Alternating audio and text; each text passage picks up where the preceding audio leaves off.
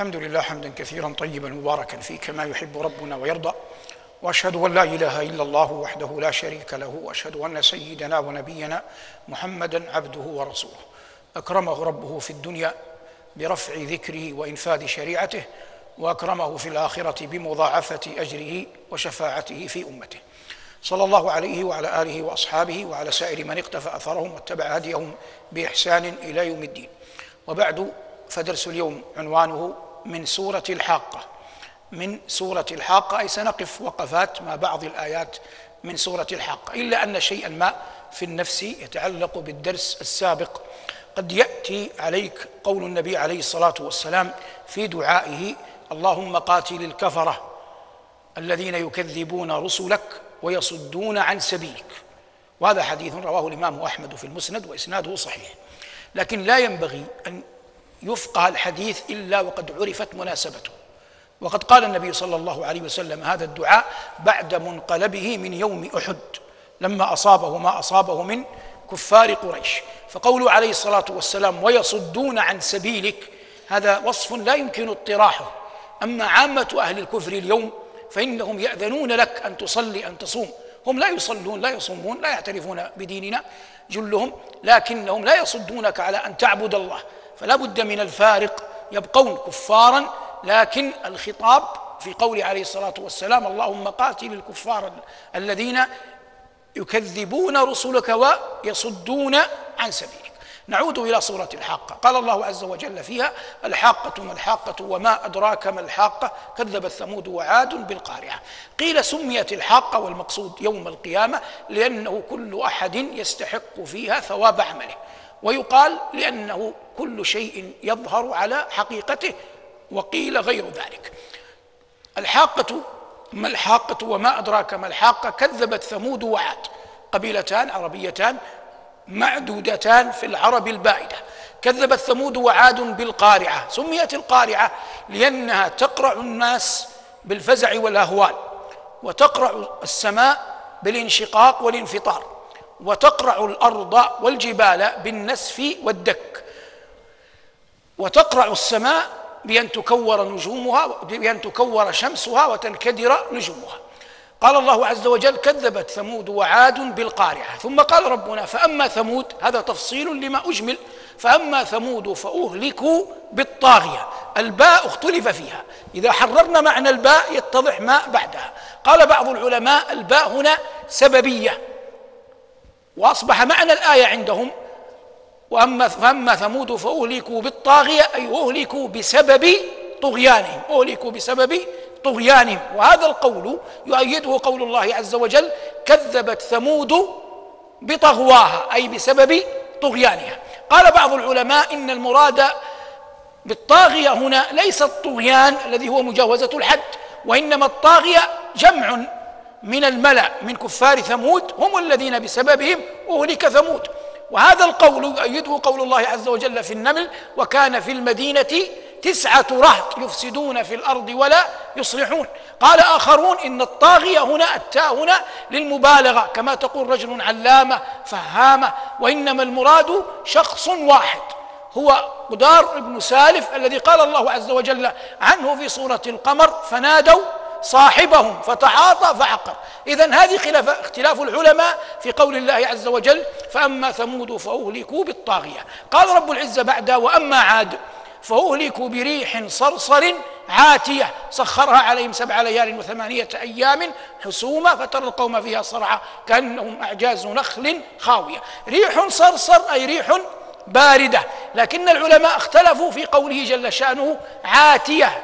ما معنى كلمة عاتية؟ مع الاتفاق على أنها في ظاهرها اسم فاعل من عتى قال بعض العلماء إن تلك الريح عتت يعني تمردت عصت تمردت حتى على الخزنة من الملائكة.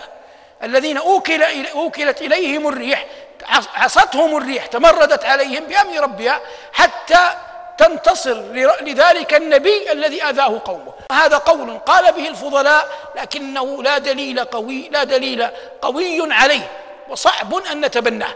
قال بعض العلماء عتت تمردت لا على الملائكة لا على الخزنة إنما تمردت على قوم عاد.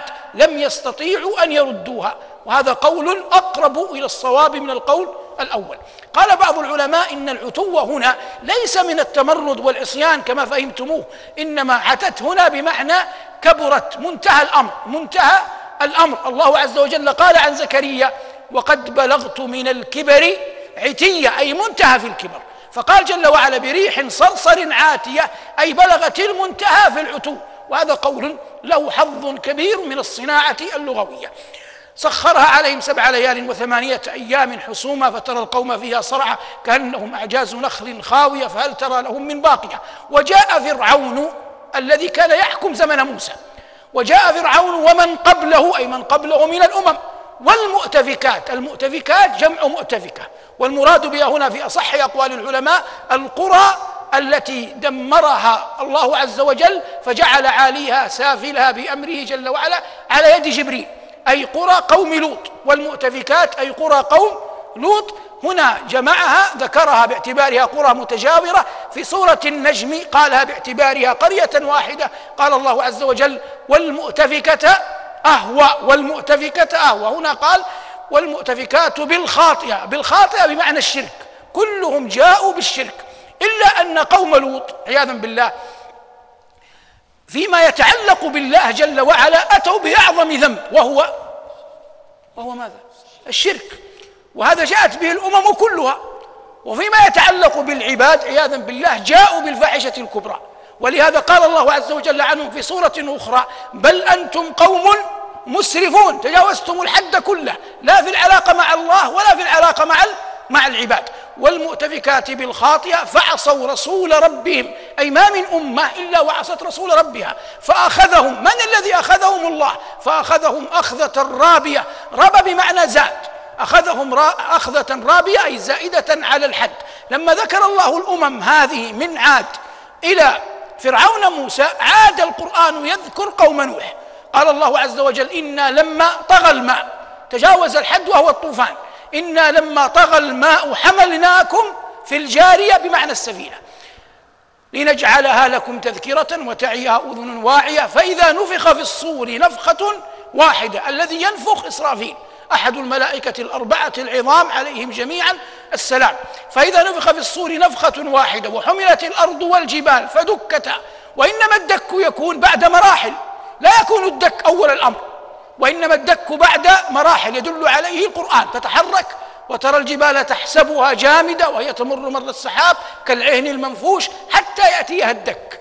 وحملت الأرض والجبال فدكتا دكة واحدة. فيومئذ يعني إذا دكتا وقعت الواقعة. الأمر الذي كان الله عز وجل به يتوعد خلقه. وانشقت السماء فهي يومئذ واهية ضعيفة. بعد أن قال الله عز وجل عنها قبل رفع سمكها فسواها. فقال جل وعلا هنا فيومئذ وقعت الواقعة وانشقت السماء فهي يومئذ واهية. والملك جنس اسم جنس يعني الملائكة. والملك على أرجائها. ويحمل عرش ربك فوقهم يومئذ ثمانية. والملك على أرجائها فيهن عدة في, في الآية عدة تأويلات. من أشهرها أنهم على أرجاء الأرض على أرجاء السماء لأن الناس عندما يخرجون ويرون الفزع يحاول كل فرد منهم أن يفر. فيجد الملائكة قد أحاطت بالسماء فيعلم أنه لا فرار. قال الله عز وجل عن العبد الصالح مؤمن آل فرعون ويا قوم إني أخاف عليكم يوم يوم التناد. ند البعير بمعنى هرب بمعنى شرد بمعنى فر. هنا قال الله عز وجل في سورة غافر ويا قوم إني أخاف عليكم يوم التناد يوم تولون مدبرين ما لكم من الله من عاصم. هنا قال الله عز وجل والملك على أرجائها ثم قال ويحمل عرش ربك فوقهم يومئذ ثمانية. وهذا حررناه كثيرا فلا حاجة إلى إعادته. ثم قال الله عز وجل يومئذ تعرضون تعرضون جسما وعملا وروحا. جسما وعملا وروحا. الجسد والروح متصلة به والعمل حاضر يومئذ تعرضون. لا تخفى منكم خافية لا يخفى منكم شيء. لا أجسادكم ولا أعمالكم ولا ثواب أعمالكم. يومئذ تعرضون لا تخفى منكم خافية. فأما من أوتي كتابه بيمينه من شدة فرحه ويود لو أن أهل المحشر كل, كل لو أن أهل المحشر كلهم يقرؤون كتابه. يومئذ تعرضون لا تخفى منكم خافية. فأما من أوتي كتابه بيمينه فيقول هاؤم اقرأوا كتابيه يقينه بالله ظنه بالله يقينه أنه سيلقى الله جعله يقدم على العمل. كلما جاء الشيطان يوسوس له جاءته نفسه الأمارة بالسوء جاءه قرناء السوء أولاده زوجته كل من حال بينه وبين الطاعة كان يقينه بلقاء الله يدفعه إلى العمل. قال الله عز وجل عنه أنه يقول هذا الرجل في أرض المحشر إني ظننت أني ملاق حسابيه فهو في عيشة راضية في جنة عالية جنة عالية قدرا ومكانا قدرا ومكانا يعني معنى وحسا. قال الله عز وجل إني ظننت أني ملاق حسابي فهو في عيشة راضية في جنة عالية قطوفها دانية كلوا واشربوا هذا نداء. يسمعونه من الملائكة. كلوا واشربوا هنيئا بما أسلفتم في الأيام الخالية. وما من أحد يموت وتغرغر روحه وتهم أن تخرج من جسده إلا ويتذكر سالف أيامه الخالية. فكلما كان قد ترك خيرا عظمت فرحته بلقاء الله. وإن كان غير ذلك عافانا الله وإياكم قد تقل فرحته بلقاء الله. لكن رحمة الله لكن رحمة الله وسعت كل شيء. وفي تلك اللحظات ختم الله لي ولكم بخير. يقدم المؤمن حسن الظن بالله.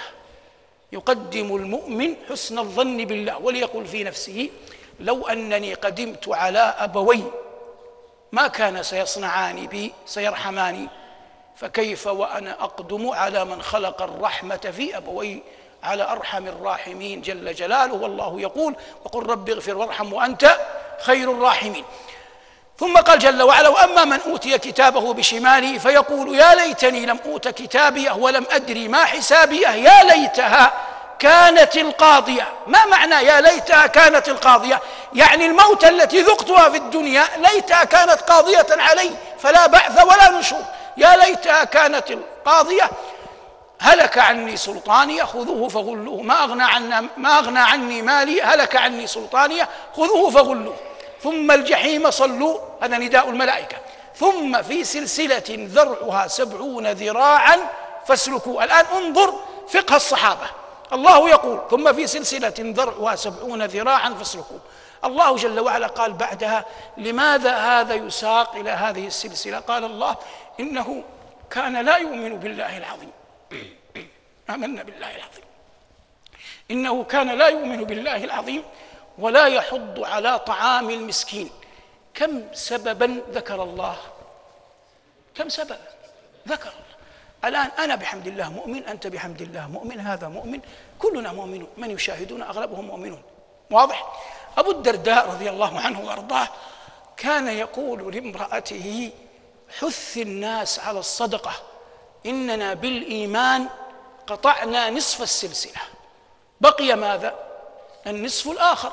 نقطعها بالسبب الثاني. نقطعها بالسبب الثاني. الله ذكر سببين. قال في الأول إنه كان لا يؤمن بالله العظيم. والثاني قال ولا يحض على طعام المسكين. فمن آمن بالله وأطعم المسكين وحض على طعام المسكين نجا من السلسلة. فكان يوصي زوجته حضي على طعام المسكين. إننا بإيماننا قطعنا نصف السلسلة فلم يبق إلا الآخر. قال الله إنه كان لا يؤمن بالله العظيم ولا يحض على طعام المسكين فليس له اليوم ها هنا حميم ولا طعام إلا من غسلين لا يأكله إلا الخاطئون. ثم قال الله فلا أقسم بما تبصرون وما لا تبصرون إنه لقول رسول كريم. وما هو بقول شاعر قليلا ما تؤمنون ولا بقول كاهن قليلا ما تذكرون؟ هذا بيان لعظمة القرآن. وأنه منزل من عند الملك الديان لا رب غيره ولا إله سواه.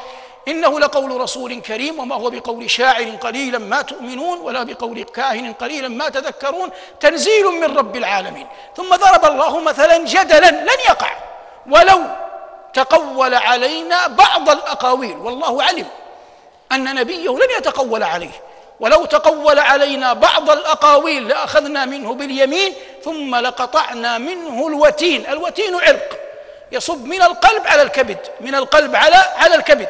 لقطعنا منه الوتين فما منكم من أحد عنه حاجزين. أي أن الله جل وعلا يسر القرآن لمن يقرأه لمن يتلوه لمن يعمل به لمن يتعظ به.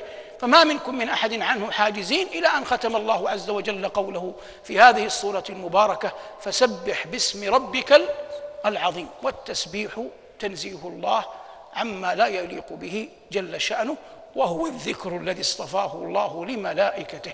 وفقنا الله وإياكم لما يحب ويرضى والعلم عند الله. وصلى الله على محمد وآله والحمد لله رب العالمين.